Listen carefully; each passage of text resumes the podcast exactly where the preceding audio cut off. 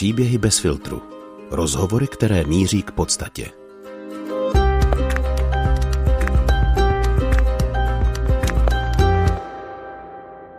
Když se vám nebo vašemu blízkému stane, že přejdete z péče doktora Slámy do péče doktorky Slámové, většinou to znamená jediné. Závěr života je blízko. Manželé Ondřej a Regina Slámovi jsou oba paliativní lékaři. Ondřej je přední onkolog, průkopník umírání doma a pracuje na ambulanci paliativní medicíny. Regina potom jako lékařka a vedoucí centra paliativní péče Brno. Jak často se jim stává, že téma smrti přinesou i k domácímu stolu? Proč jejich děti neberou jako samozřejmost, že se člověk dožije dospělosti? I o tom si s nimi povídá Alžběta Havlová. Pozvala jsem je k rozhovoru ale hlavně proto, že nejen v Brně jsou známí svou skvělou péčí, odborností a velmi empatickým přístupem. Proč podle nich paliativní péče není vůbec jenom o analgeticích? Jak předat umírajícímu, že čas, který mu zbývá, může být něčím speciální? A čeho lidé před smrtí nejvíc litují? Čeho si naopak nejvíc váží? Přeji vám ničím nerušený poslech. Naše povídání potom pokračovalo o eutanázii, dobrovolném ukončení života. Jak na něj nahlíží optikou lékařů, ale i věřících křesťanů? To se dozvíte příští týden. Ještě předtím, než začneme, vás ale chci pozvat i ke sledování bez filtru na platformě Hero Hero, kde pro vás pravidelně připravujeme bonusový obsah. Aktuálně tam třeba najdete tipy na knížky od Anešky Jakubcové i můj osobní rozhovor s kolegou Filipem Braindlem. A hlavně i část našeho vyprávění se slámovými, která se už do podcastu nevešla. Uf, je toho už na vás hodně, že? Tak pojďme začít. Regino a Ondřej, vítejte v podcastu Bez filtru. Děkuji, že jste přijali pozvání. Dobrý den. Dobrý den. Umíte zařídit, aby umírání nebolelo? To je výzva samozřejmě pro obor, kterým se zabýváme pro, paliativní péči, ale asi umíme zařídit, aby když už je spojené s bolestí, aby ta bolest byla dobře zmírněná, snesitelná. Úplnou bezbolestnost, aby člověk jako nevnímal žádné nepříjemné pocity. Asi jako u všech pacientů zařídit nejde, ale zmírnit bolest na takovou dobře snesitelnou míru, to asi umíme. No a vy zmiňujete nepříjemné pocity. Je to jakoby tak, že právě to umírání je spojené s těmi nepříjemnými pocity, nebo se bavíme o jenom nějakých jako nemocech, které člověk má? No, no právě tak jak Ondřej říkal eh, o té bolesti, tak eh, člověk v závěru života eh, nemusí se trápit jenom bolestí fyzickou, ale hm, někdy říkáme, že to je existenciální utrpení nebo existenciální bolest někdo by mohl říct třeba bolest u srdce, protože je to pro nás těžké období. A pro ty pacienty eh, a pro ty rodiny je to období, kdy vlastně vnímají, že ztratí něco důležitého ve svém životě. A eh, proto to není vždycky jenom o analgeticích, ale o také celkové podpoře toho nemocného a té rodiny a o to se vždycky snažíme, aby vlastně eh, to utrpení a trápení a ta bolest byla co nejmenší. Mhm. Vy pracujete v tom biopsychosociálním eh, modelu, takže by i tohle odpovídá tomu, že to není jenom o těch lécích.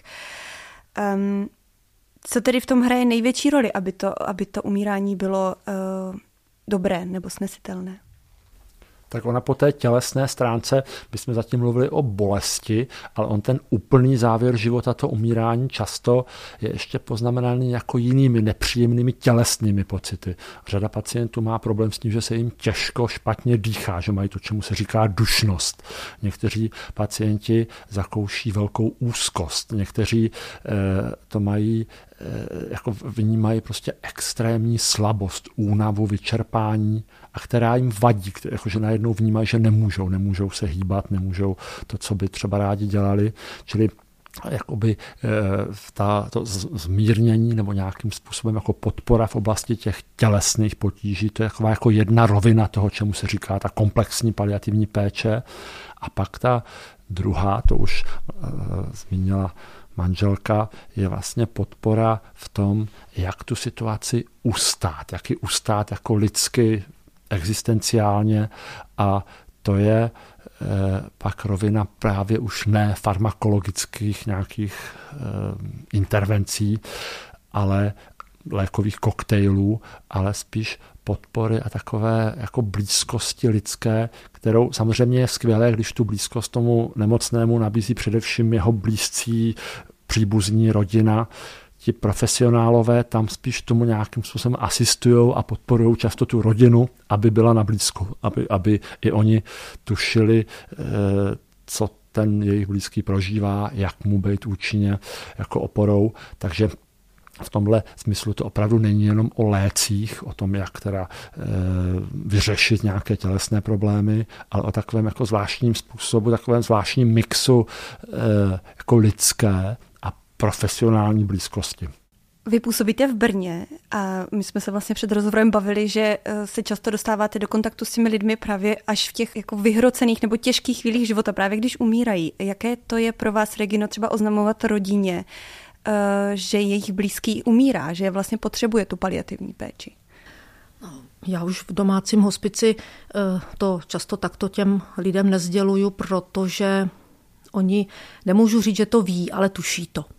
Eh, často už jim to řekli lékaři třeba v nemocnici, někdy jim to neřekli, nebo někdy jim to řekli a ti pacienti si to možná nechtěli zapamatovat, ale tak to jim to nikdy neříkám. Každopádně eh, se snažíme eh, vlastně jim pomoci v tom, aby se připravili na to, co je čeká, co může přijít a snažíme se s nima o tom otevřeně mluvit. Eh, jde o to, abychom opravdu měli čas a prostor pro to, aby nám mohli říct, jaké jsou jejich potřeby, eh, jaké, co je pro ně důležité v tom životě s nemocí a z toho potom vycházíme ehm, se k tématům umírání a smrti dostáváme. Někdy toto téma otevřou pacienti sami, často ho otevírají eh, jejich blízcí a příbuzní. A to někdy bývá tak až jako my tomu říkáme schodové řeči, až na schodech nebo v chodbě nebo ve výtahu, když odcházíme z té rodiny, tak potom se osmělí ti příbuzní a ze slzou v oku se ptají a to už on opravdu zemře.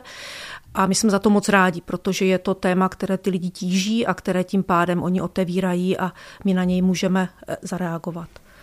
Ono je, fakt, ono je fakt, že tak, jak to manželka říkala, že se, jako když je člověk v hospicu, tak vlastně to téma konce života, umírání už je nějak na stole. Hmm. A velmi často, když třeba lékař v nemocnici pacientovi nabízí, myslím si, že by pro vás bylo dobré, jako abyste byl předán do péče hospice, ať teda už domácího nebo lůžkového, tak jako častý údiv, častá reakce těch pacientů je já do hospice, když do hospicu se chodí umírat. Jako, hmm. Takové jako překvapení, že lidi ten eh, pojem hospic mají spojený s uh, umíráním, takže Naopak někdy je to takové, že se pak dostáváme k tomu, ano, že ta nemoc je závažná, že ten čas, který jim zbývá, není dlouhý, ale že to není teď ještě jenom o umírání, o tom, že se všechno bude zhoršovat a všechno směřuje jako ke krátkému konci, ale že jim zbývá takový čas, který je něčím special, takový jako čas, který ale může mít význam, může mít jako hluboký význam, hluboký smysl a že snahou hospice bude právě, aby to tenhle ten čas ten smysl měl, aby to nebylo jen jako čas o nějakém sténání a umírání a čekání, až to všechno skončí, ale e, tak jenom, že ta, taková ta informace o tom, že to je závažné, vlastně jde v ruku v ruce s tou nabídkou toho hospice.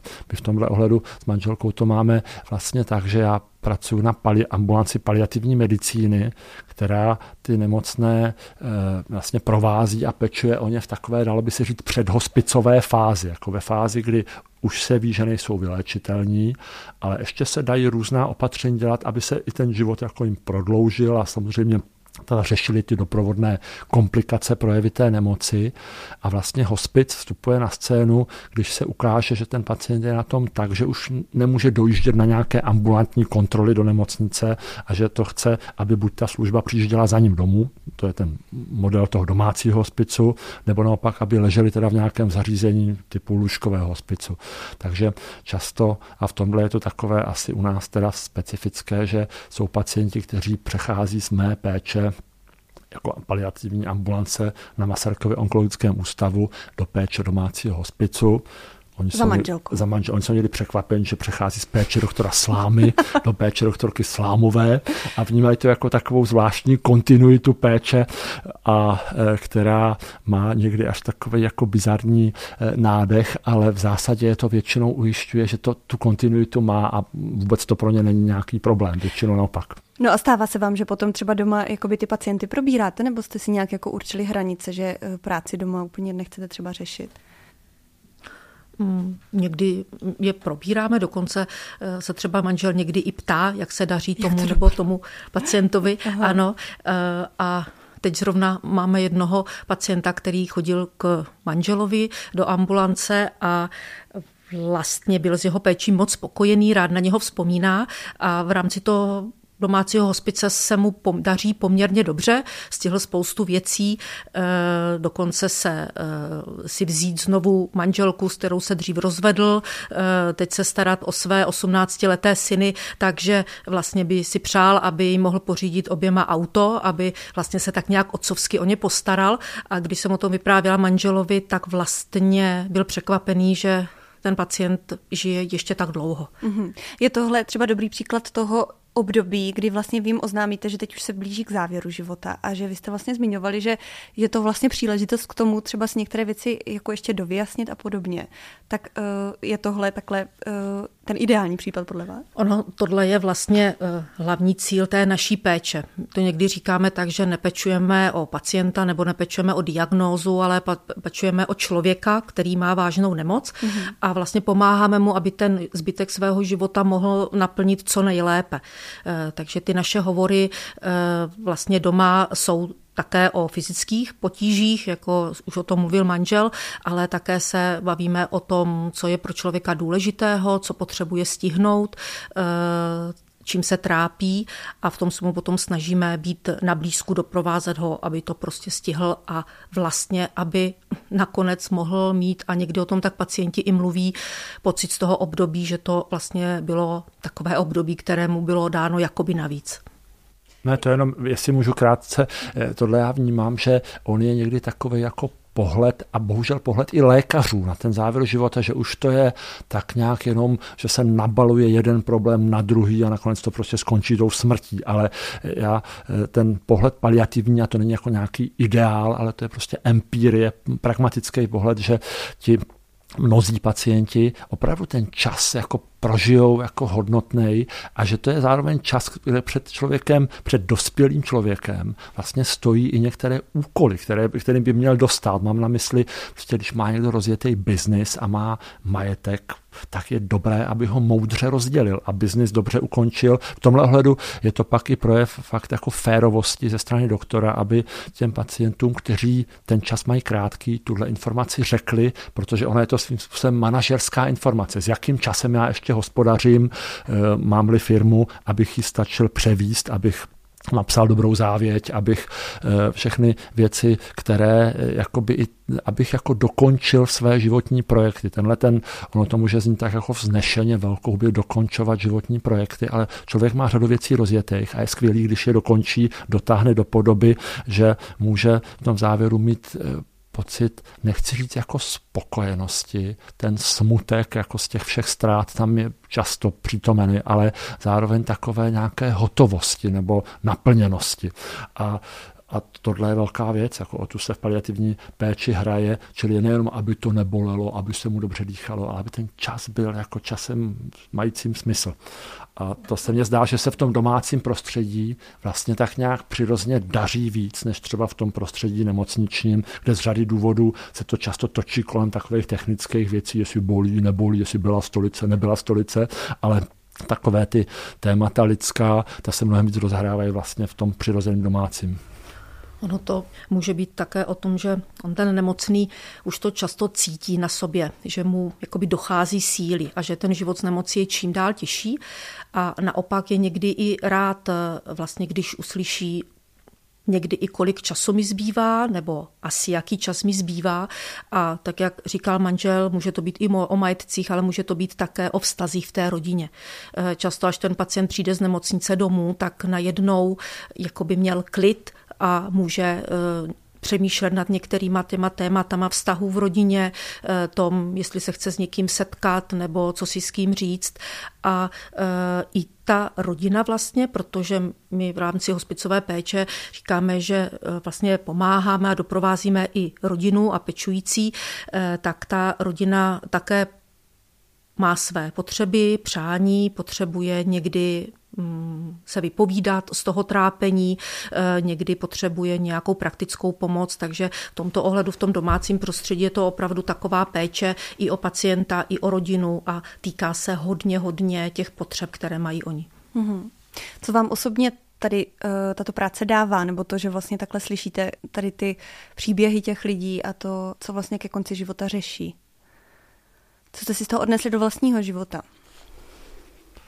No to je takový neúplně jednoduchý říct, ale samozřejmě eh, jako je to práce velmi smysluplná, až takové jako krystalické podobě, až toho smyslu je někdy moc, jakože člověk jde z práce a říká si dneska té hloubky a toho smyslu bylo až moc. Eh, chtělo bylo to trochu míň, aby se dalo tak normálně, relaxovaně eh, rozdejchat to všechno.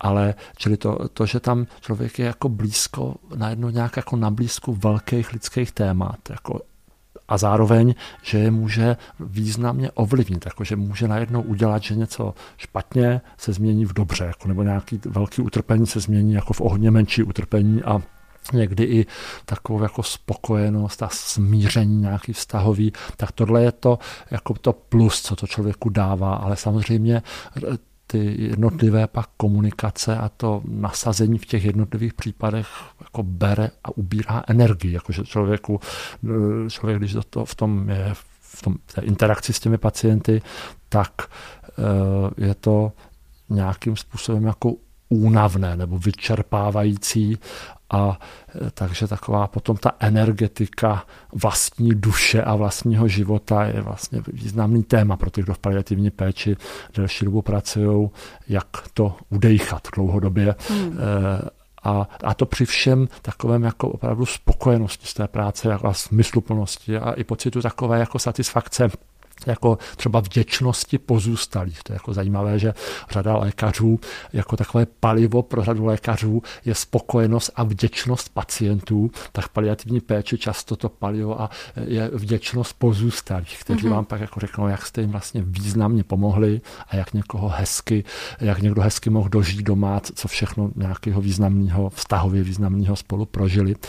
A e, takže tohle je to, co nám to dává a tu energii to způsobem bere. Tak jako teďka mezi tím nacházet nějaký balans jako dlouhodobý samozřejmě člověk může jako splánout zahořet nějakou dobu, ale má to dělat jako profesně, jako kariérně celou dobu, tak to možná to dělat? pro mě já to dělám, já, já paliativní péči tak jako plnoúvazkově, kdybych to tak řekl, tak dělám asi 20 let, mm-hmm. od začátku.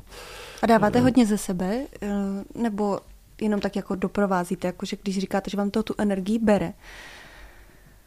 Tak mám pocit, že dávám poměrně hodně ze sebe, ano. O tom by taky mohli eh, pak vyprávět manželka nebo ti domácí, kolik, s jakou energií pak člověk přichází z práce, která mu zbyla mm-hmm. jako na, eh, na normální život. Dal jste si teďka dopil dole v kavárně, takže dvojitou kávu, tak to o něčem vypovídá. Ano, teď jsme takový kávou nabuzení do radosti. A... Regino? No určitě to eh, člověku přeháže priority, které vlastně jsou pro něho v životě důležité a pak taky eh, asi eh, si z té své práce odnáším to, že vlastně si některých věcí víc vážím v životě. Ono, když se potom setkáváte denně s tím, že eh, se lidé musí strát, loučit se svým blízkým, tak vlastně vám to připomíná to, že ten život je náš lidský život je ohraničený, že jednou skončí, že může skončit kdykoliv a e, proto je dobré vlastně se věnovat tomu každému dni, který žijeme. Takže e, to, si asi, to mě asi dává paliativní péče. A co se týče té energie, um, chtěla bych říct, že pracujeme v týmu, a e, vlastně na té péči se podílí současně více profesí. Takže to lékař, sociální pracovník, eh, zdravotní sestra, většinou máme v týmu i nemocni, nemocničního kaplana, psychoterapeuta a my vždycky o těch eh, příbězích lidských, o těch našich pacientech mluvíme a předáváme si ty informace a nějakým takovým způsobem neseme tu tíhu těch jejich životů společně. A to nám tak nějak eh, zase dodává té energie a smyslu té naší práce. Mm-hmm. Možná na tom lékaři je sdělení té špatné, nedobré, těžké informace, té zprávy o vážnosti nemoci, ale eh, Toto sdělení se také často, a je to užitečné, třeba děje v rámci, říkáme tomu rodinná konference, mm-hmm. kdy třeba uh, při tom sdělení této zprávy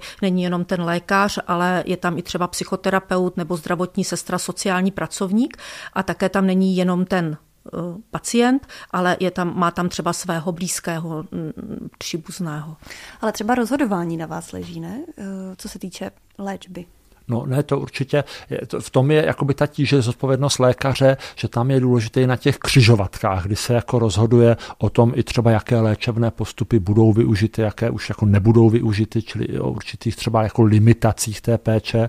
Vzpomenete třeba na případ, kdy to rozhodnutí bylo těžké udělat, eh, že jste si nebyli jistí, Ono to závisí, že eh, vlastně v, v kontextu jako závěru života se často při těch všech výdobytcích moderní současné medicíny jak si nabízí to, které všechny z těch dostupných léčebných možností teoretických, ale i praktických využít čistě jako teoreticky by vlastně všichni pacienti mohli umírat na jednotkách intenzivní péče, že když se zhorší, by byli přijati na jibku a tam by se teda s tou vší parádou technickou jim, když by selhávaly ledviny, tak by se nahradili přístrojem a ledviny, když by selhávaly plíce, tak by se dali na umělou plicní ventilaci a přístroj dýchal za ně.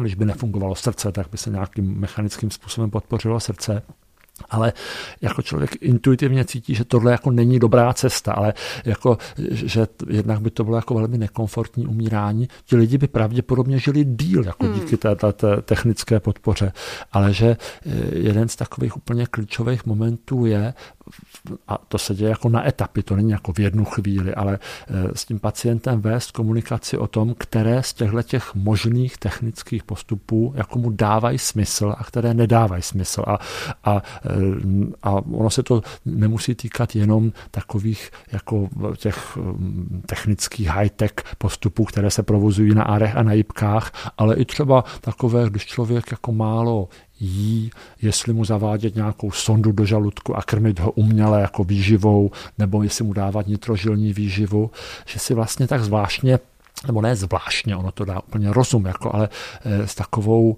eh, s takovou jako přímočarostí pak člověk společně s tím pacientem musí položit otázku, třeba ta umělá výživa vám může prodloužit život, ale je to čas, který vy vnímáte jako hodnotný. Chcete, abychom mi prodlužovali váš život tím, že budete na kapačkové výživě třeba žít o 3, 4, 5 týdnů déle a určitě jsou situace a takové jako konkrétní kontext, kontexty, kdy pacient řekne, ano, jako každý den mi dává velký smysl matka malých dětí, když je doma, tak parenterální vyžívají prostě každý týden navíc je pro ní velmi hodnotný čas, jako kdy je se svými malejma, milýma dětma, manželem. A naopak jsou pacienti, kteří to někdy tak jako hezky poeticky řeknou, že už jsou síti svých dnů, biblicky řečeno, jakože už toho mají dost, jakože děkujou a ne, nepotřebují, aby eh, se ještě nějakými kejkly technickými ten život prodlužoval. A tohle je právě, tohle je pak úplně individuální. Tady jako není nějaký počítačový algoritmus, podle kterého by se rozhodla, rozhodlo, komu dáti a komu nedáti, ale jako s každým pacientem se vede debata, co má smysl, jako jestli to je hodnotná věc pro něj a, eh, a, a takže se to týká například těch umělých způsobů zajištění výživy, Často se to v domácím prostředí týká i toho rozhodnutí, když se pacient zhorší, jestli ho vést do nemocnice, jestli ho vést do nemocnice a využít tam celou tu plejádu možností, které nemocnice nabízí, nebo jestli říct, ne, my už nepojedeme do nemocnice a my budeme vlastně tu situaci řešit doma při plném vědomí, že nebudou tím pádem využity některé technické možnosti a pacientovi bude umožněno dožít doma. A opět jsou veliký rozdíly mezi pacienty v tom, jak si vlastně to přejí nebo jak, jak, co preferují v tuhle tu chvíli, ale a úkolem doktora je to jako nějak předestřít, aby člověku bylo taky srozumitelný vlastně na jaký křižovatce stojí, jako na, na jakém rozhodovacím bodě, že řadě pacientů to srozumitelné není. A, a že jsou situace, kdy vlastně je dobrý, aby pacient věděl, že už mu nemocnice nemá reálně co nabídnout. Řada pacientů řekne děkuji, nechci. Někteří chtějí, tak je potřeba, aby jim ta možnost nebyla odepřena. Jak se jako lékaři díváte na to, že eh, vlastně dnešní eh, medicína už je tak daleko, že vlastně, jak jste sám zmínil, dokáže toho člověka udržet naživu hrozně dlouho? Eh, a zároveň, jakoby, kdy už je to potom to prodlužování utrpení, ta paliativní péče, jak, jak vlastně vidíte tu hranici? Je pravda, že těch léčebných modalit je strašně moc. A opravdu se to stává, že pořád jako lékaři dále rozšiřujeme léčbu a dále nasazujeme další antibiotika a zkoušíme další nějakou paliativní chemoterapii a podobně. A e, tam potom opravdu jsme už na hranici toho, jestli ten život, který pacientovi nabízíme, má kvalitu. A ta kvalita ale je subjektivní záležitost. Proto, jak manžel o tom mluvil, jde o to, aby to rozhodování probíhalo s tím pacientem a aby on nám taky mohl říct, co do toho jeho životního příběhu patří, jak se chce on vyrovnávat s tou nemocí, protože z toho pohledu čistě eh, lékařského mně přijde, že řada lékařů ani v nemocnici hm, vlastně potom už nezažívá pocit úspěchu, když pořád prodlužujeme, hmm. prodlužujeme léčbu a ti lékaři vidí, že eh, vlastně ten pacient se trápí, je pořád na hadičkách, eh, je zákaz návštěv, takže za ním nemůžou chodit návštěvy. A vlastně e, opravdu jako lékaři někdy víme, že ten život mu moc neprodloužíme, ale že buď zvolíme způsob, ano, Eh, bude stále, budeme stále rozšiřovat léčbu a pacient nám taky může zemřít za plné léčby v nemocnici, anebo tomu pacientovi nabídneme jiný závěr života. A to je potom třeba potom s podporou toho eh, domácího hospice doma nebo v lůžkovém hospici. A eh, tato téma potom vlastně toho rozhodování, my třeba ještě mm, je takové jedno zajímavé téma v tom domácím hospici o tom rozhodování, kdy jsme v situaci, kdy opravdu pacienti to i sami sdělují, že jsou siti svých dnů, ale rodina s tím ještě není smířena. A e, rodina touží potom, aby jsme se pořád ještě snažili a v tom domácím prostředí se to týká třeba aby ti pacienti víc jedli a aby víc cvičili a aby chodili a aby prostě nějakým způsobem ten život jsme v nich udrželi, takže tam potom pro nás je to třeba o tom, že mm, naopak se více věnujeme té rodině a vysvětlujeme si to, jaké jsou možnosti a co vlastně přináší ty různé způsoby péče pro toho pacienta. Já nevím, jestli může ještě připadat jeden bod jako důležitý v této souvislosti v Česku, třeba v nemocnicích velmi přítomný, je určitá právní nejistota lékařů v tom, jak to vlastně s tím rozhodováním o tom, že by nevyužili některé ty mm-hmm. metody, jo. jak to vlastně je. A že uh, řada lékařů má takový jako dojem, že povinností lékaře je za každých okolností Udržit. a vždy udržovat, mm-hmm. živo, jako udržovat pacienta naživu oddalovat riziko smrti a naopak, když by to jako přestali dělat, nebo v konkrétním případě neudělali, že se nad něma vznáší trestně právní zodpovědnost jako ublížení na zdraví z nedbalosti, zanedbání péče, neposkytnutí mhm. potřebné mm-hmm. pomoci. To jsou názvy trestných činů, jako které, které eh, někteří mají eh, strach, že by naplnili tím, že by eh, rozhodli, že teda třeba pacienta, který se zhoršuje, nepřeloží na pro prostředí intenzivní medicíny. A tady jenom je opravdu potřeba říct, že tato rozhodování se odehrávají v komunikaci s pacientem a Čili že úplně jako předpokladem toho celého je, že se vede s pacientem otevřená, taková jako transparentní komunikace, aby bylo srozumitelné, jako co to je za situaci, v jaký jsme to situaci a aby byl přivzatý do toho rozhodování. Tohle je, ono to je pořád vlastně jako relativně nový. Všichni už s tím jako souhlasí, ano, pacient by se měl spolu podílet na rozhodování o léčbě. No, jakoby pokud je toho ale schopný, ne? Pokud to je schopný, určitě. A, a tady pak ještě do toho vstupuje jeden moment, že my u řady nemocí víme, jaký bude ten průběh, víme, že ten stav se bude zhoršovat a mimo jiné zhoršovat i v tom, že pacient může v dohledné době přestat být schopný o tom rozhodovat. A to je jako takový vlastně relativně nový prvek tady v českém systému, který přináší paliativní péče a totiž to, čemu se po americku říká advanced care planning a do češtiny se tomu říká jako plánování budoucí péče, že například s pacientem i s jako pacientem s počínající demencí, o kterém jako ale je, je vlastně zřejmé, že v dohlédnutelné době jeho funkce myšlenkové, kognitivní budou takové, že už se nebude moc vyjádřit tomu, co by si přál jestli chce vyživovou sondu, jestli chce do nemocnice, jestli chce antibiotika. Takže ten pacient vlastně vysloví takzvaná dříve vyslovená přání, co by si přál, aby s ním bylo děláno mm-hmm. v mhm. situaci, když, by, když on sám už by se na tom nemohl podílet, jako nebyl kognitivně fit na to, aby se k tomu vyjádřil. A tohle je to je taková, mám pocit, úplně jako kulturní věc, která se teďka jako děje v českém zdravotnictví, že si lékaři asi teď začínají zvykat na to, že tento, tento způsob jako dopředu přemýšlení o tom, že bych já mohl ztratit své kompetence a chci, aby ale e, i v té době pak bylo respektované moje přání a dávám tomu právní formu, zvanou teda dříve vyslovená přání, že to není nějaká jako libůstka nebo nějaký takový do budoucna plánování, když nevíme, jak to bude, co bude, ale že to naopak je velmi takový jako zřetelný nástroj jak vlastně člověk může realizovat svou autonomii. Že, mm-hmm. že když jsem teďka fit, tak rozhoduju, co chci teď, ale mám nemoc, která mě o, to, eh, o ty schopnosti připraví a já dopředu říkám, co bych si přál, aby se mnou bylo děláno. Já beru takový jako významný nástroj, který úplně mění jako kulturu té péče a hlavně ušetří pak mnoha dilemata, kdy pak nad člověkem s těžkou demencí stojí kolegium lékařů a říkají, co by si tak asi ten pacient přál. Jako, mm-hmm Přál by si on, abychom mu zaváděli do žaludku hadičku, kterou budeme živit. Ehm, a teď tam může stát jeho dcera a jeho syn a dcera říká, jak maminku znám, ta by nikdy nechtěla, abyste jí tu hadičku dávali. A syn řekne, ale přece ho nenecháte zemřít hlady, jako no přece ji nenecháte zemřít hlady a, a najednou jako doktor tady vnímá úplně dvě rozdílná stanoviska jako dětí, které jakoby se snaží předestřít tu perspektivu, jak by asi to maminka chtěla a značka ideál by bylo, kdybychom věděli, jak to maminka opravdu chtěla a, a na to je potřeba se jí včas zeptat. A to je tedy novinka, tady ta Advanced Care Planning. A ono že, už to v českém že... právním řádu už to je několik let, ta možnost toho uh, formulace toho dříve vysloveného přání, i, je tam popsáno, jaké to musí mít náležitosti, uh, jak to musí být formulované, aby to bylo jednoznačné, jak musí být popsány ty podmínky, aby bylo jasné, jestli to je aplikovatelný pro tu situaci, ale Čili jako možné to je, ale je to využívané úplně minimálně. Úplně minimálně mm-hmm. jako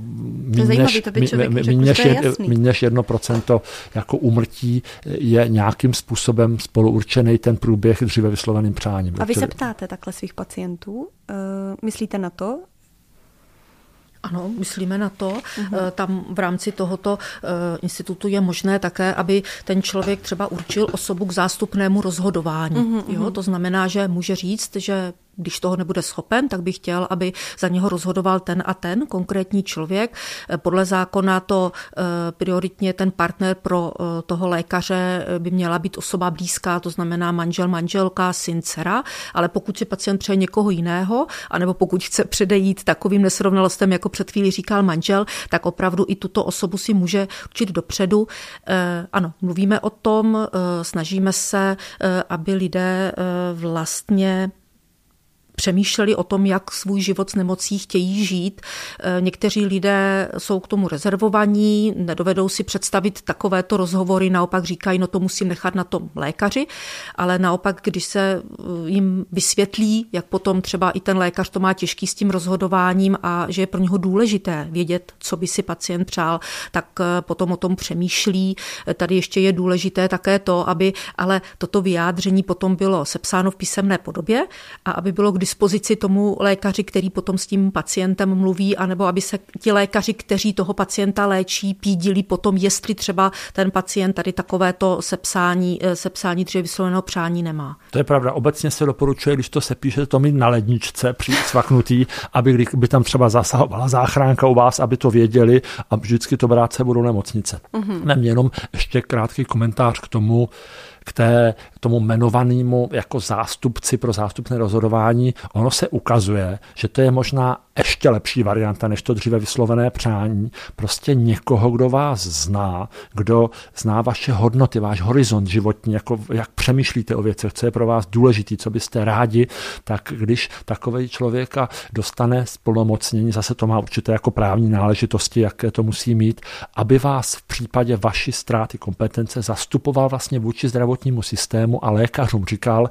co byste si co má být děláno a co nemá být děláno, že to je možná někdy lepší, než když to člověk jako napíše dopředu formou toho dříve vysloveného přání, kde většinou ale ne, nezachytne všechny možné varianty, které můžou nastat, takže je to někdy takový jako rigidní a ne, není pak jasné v tu konkrétní situaci, co z toho je jako použitelného, aplikovatelného, jestli jste opravdu myslel tuhle situaci a kontext, čili ta osoba eh, pověřená tím zástupným rozhodováním je taková větší jistota. Já třeba doufám, že, eh, a to, my jsme to ještě tomu nedali tu právní podobu, ale že manželka by mohla být pro mě tou osobou, já budu rád pro ní, jako abychom si eh, protože se známe a abychom si eh, tu jakoby v situaci, která třeba doufáme nenastane, kdyby nastala, abychom tam tuhle tu roli si vzájemně jí posloužili a sehráli. A víte, Regino, co by si Ondřej přál? To máte pravdu, že v tomhle paliativní medicína taky zasahuje do našeho rodinného života. A to jednak v tom, že občas si tak nějak s manželem, když přijdeme domů, tak říkáme, prosím tě, hlavně až budu dementní, tak prosím tě, ať mě nezavádí tu hadičku do žaludku.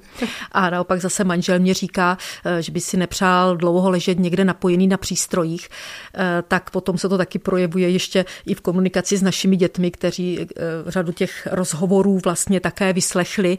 A věříme s snad, že jim to ten jejich život nějak obohatilo, že jim to naše povídání bylo srozumitelné a že jenom jim to prostě dalo náhlednout na určitý rozměr lidského života, že ho prostě nemáme úplně ve svých rukách. Já si myslím, že to děti jako mají, jedině co možná mají trošku znejistělý, mám vzpomínku z dětství, že vnímají takovou jako nesamozřejmost toho, že se dožili dalšího roku života. Nesamozřejmost toho, že se člověk dožije dospělosti.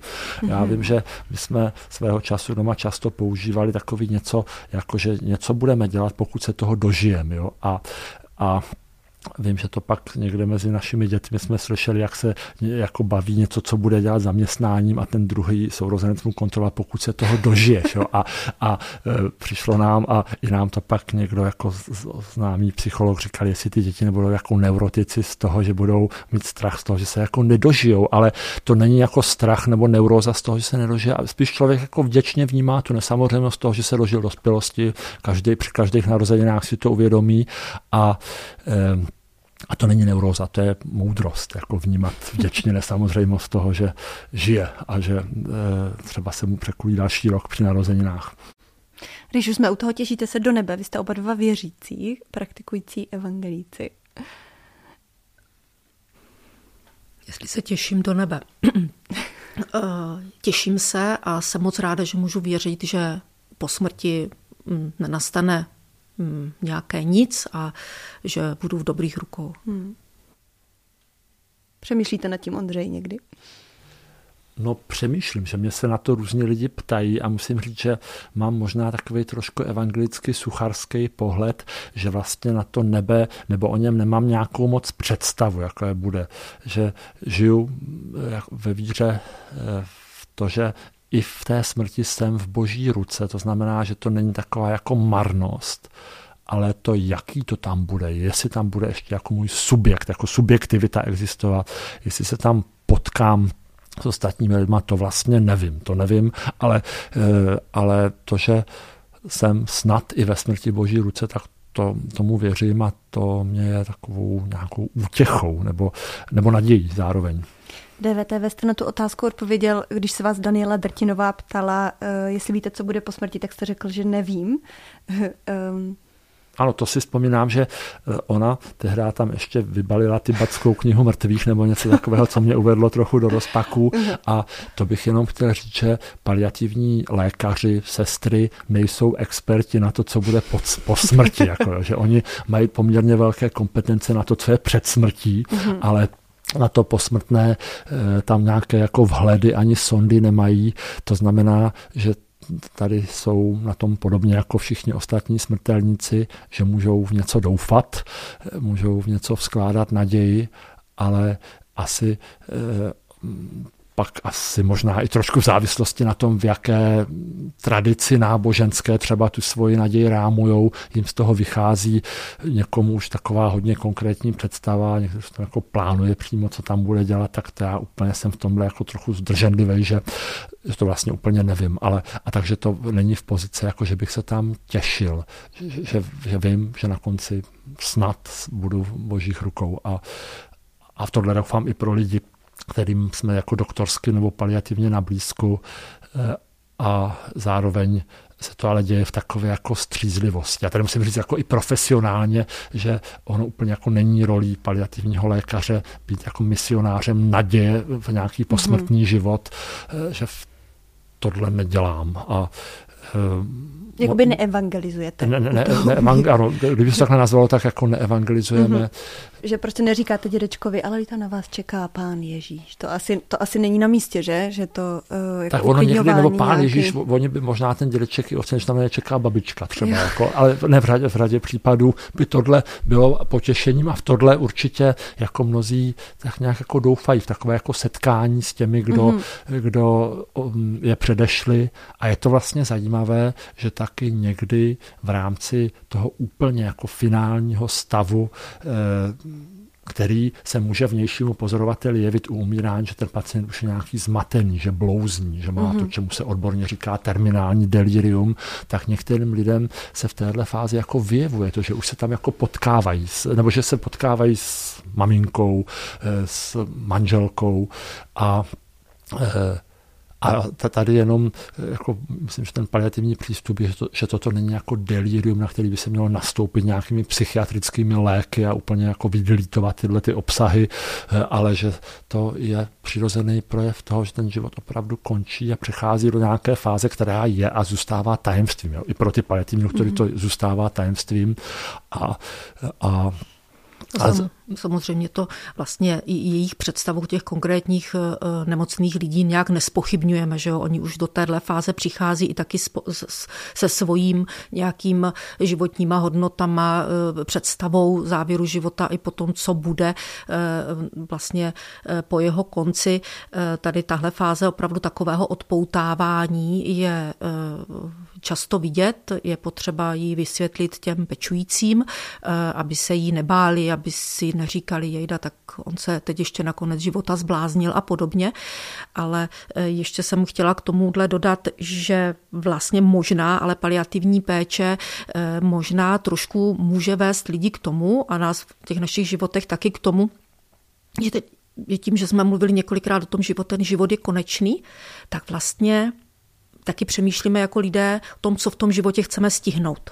Jo, takže eh, naopak můžeme být trošku odborníci v tom, eh, jak naplnit ten život, který nám zbývá. A jedna taková kniha se i tak jmenuje Čeho lidé litují v závěru života. Znám. A eh, vlastně je to o tom, že jsou to takové rady, které nám vlastně můžou být užitečné a můžou nějak jako překlenout to velké trápení, že jsme onemocnili vážnou nemocí. Uh-huh. A čeho tady lidé litují?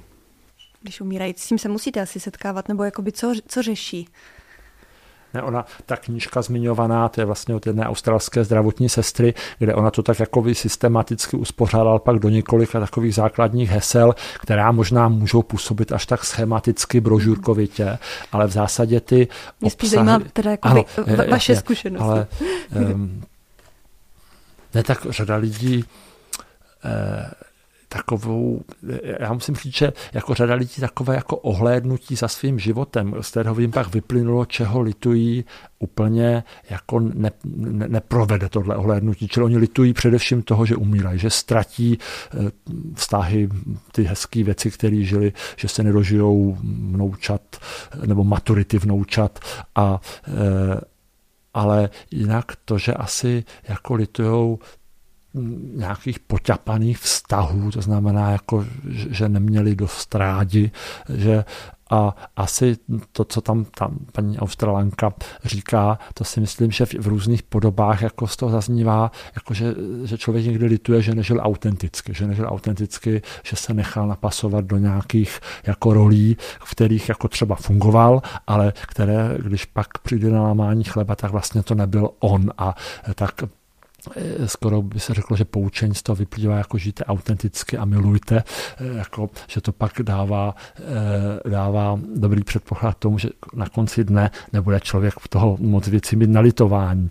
Takže žít autenticky a milovat ale to je takové, jako to není, že by to bylo nějaké konečné moudro paliativní, to je teďka taková momentální reflexe Rozumím. na tu vaši otázku.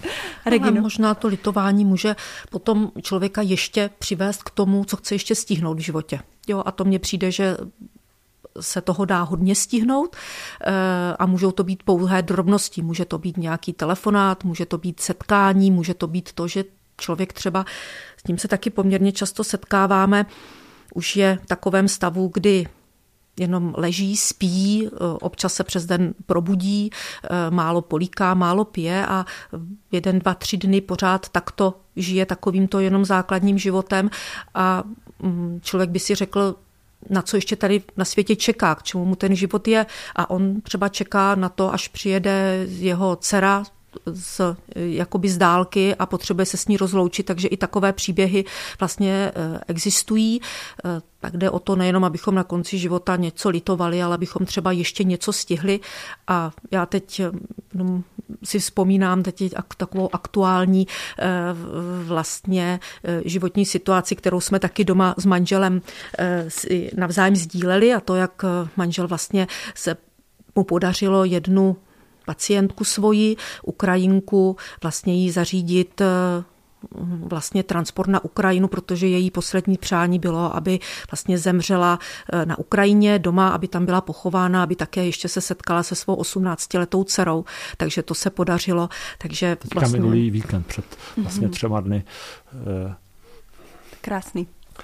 No, ne, tak to je, to je pak eh, prostě pro ní jako pravoslavnou křesťanku 40-letou mhm. ženu s neřešitelným nádorem mozku, to bylo její velké přání a najednou se jí to jako celý vyjevilo, že eh, ona tady se statutem uprchlice eh, žila jako, co tady bude, jako pak někde na nějakém českém hřbitově mm-hmm. a ona úplně věděla s takovou jako přímočarostí, že zemře a že chce, aby to nastalo doma a byla pohřbená u jejich kostela na pravoslavním hřbitově, aby tam mohli chodit na ty velikonoční eh, pikniky, které tam vlastně pořádají. Jako, tak mně to tak jako přišlo, že to bylo úžasný a úžasný teda také bylo, že tady se našla taková služba, která ji tam dovezla, takže jako bylo to vlastně celé velmi rizikové tím, že mohla zemřít při cestě, takže mm-hmm. i, i jsme nějaké jako opatření dělali, co dělat, když by to nastalo a bylo to jako podivu nenastalo, takže dojela až domů a už máme od její maminky referenci, jako že, že dojela domů a ještě, ještě včera, včera byla naživu ještě. Mm-hmm. A e, tak jenom, že e, ta přání toho, co by člověk chtěl stihnout, zvládnout, můžou být různá a například i to, jako dostat se na nějaké místo, nebo že má nějakou jako představu, jak by chtěl zemřít a, a to je dobrý, pokud to jen trošku jde e, plnit říká Ondřej Sláma a já jemu i jeho manželce Regině moc děkuji za rozhovor. Ještě se ale neloučíme. Příští týden si budeme povídat o eutanázii. Jejich pohled vás možná překvapí, ale nebudu předbíhat. Zatím si můžete poslechnout zbytek našeho povídání na platformě Hero Hero o tom, jak vypadá samotný moment smrti. Také jestli člověk může vůli ovlivnit, kdy zemře, a jestli se jim někdy během posledních okamžiků s pacientem stalo něco nadpřirozeného. Od mikrofonu se zatím loučí Alžběta Havlová. Za pomoc s dílem děkuji Haně Kašpárkové a Antonínu Kánskému.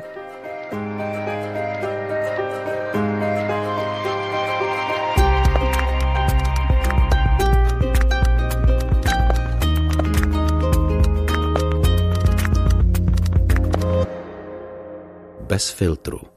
O zásadních věcech otevřeně a bez předsudků. Najdete nás v podcastových aplikacích na Facebooku, Twitteru a Instagramu bez filtru pomlčka podcast. Chcete nás podpořit? Info na webu bezfiltrupodcast.cz